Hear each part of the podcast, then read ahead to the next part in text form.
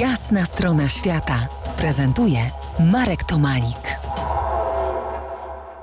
Opowiadam dziś o klubie filmowym Głodówka, najwyżej w Polsce położonego kina, na wysokości 1138 metrów nad poziomem morza, który zainicjowany 10 lat temu przetrwał jakieś 2,5 roku. Dlaczego tak krótko, skoro inicjatywa rozwijała się tak dobrze?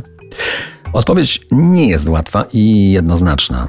Skoro projekt rozwinął się dość szybko, potrzebował coraz więcej pieniędzy. Zabrakło dofinansowania z budżetów lokalnych, choć próby ich pozyskania trwały od samego początku. Nasze działania były postrzegane z dużą rezerwą w otaczających gminach i powiatach, bo nasza kulturalna oferta stała się konkurencyjna dla podmiotów już istniejących. Wójta Bukowiny Tatrzańskiej zapraszałem na niemal wszystkie wydarzenia dziejące się pod szyldem schroniska Głodówka. Był konsekwentny. Nie pojawił się ani razu.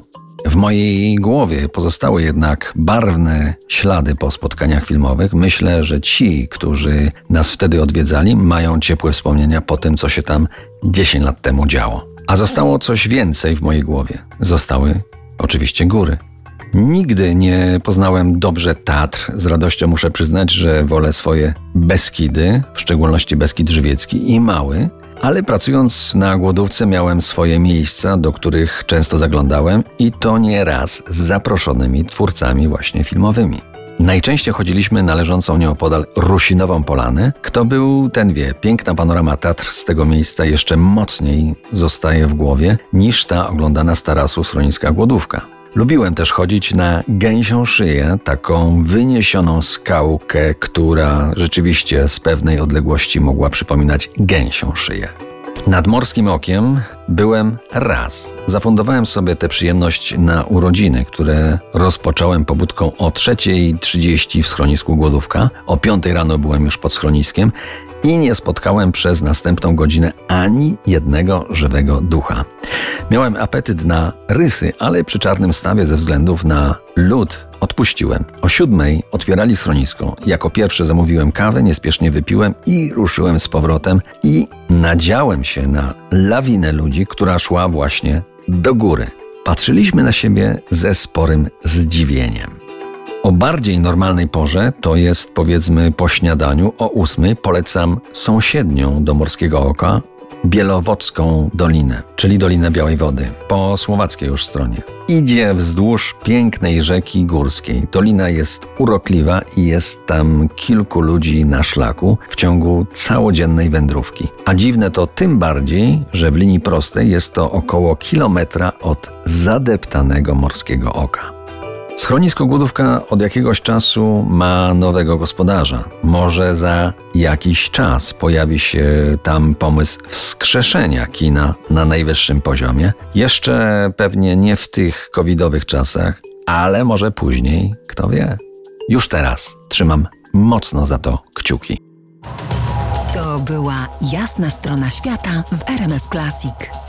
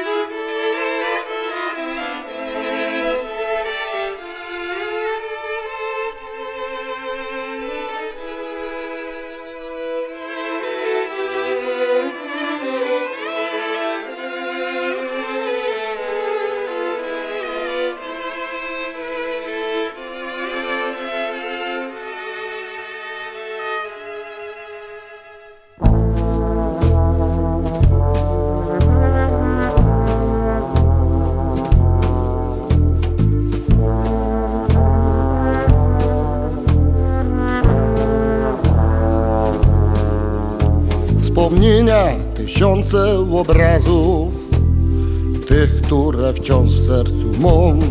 W nich Twoja twarz pełno wyrazu, odbija się w świetle gwiazd. We stnieniu chwila zaklęta, mogłaby wieczność trwać. Nikt tego dziś już nie spamięta jak wiele spraw łączy nos.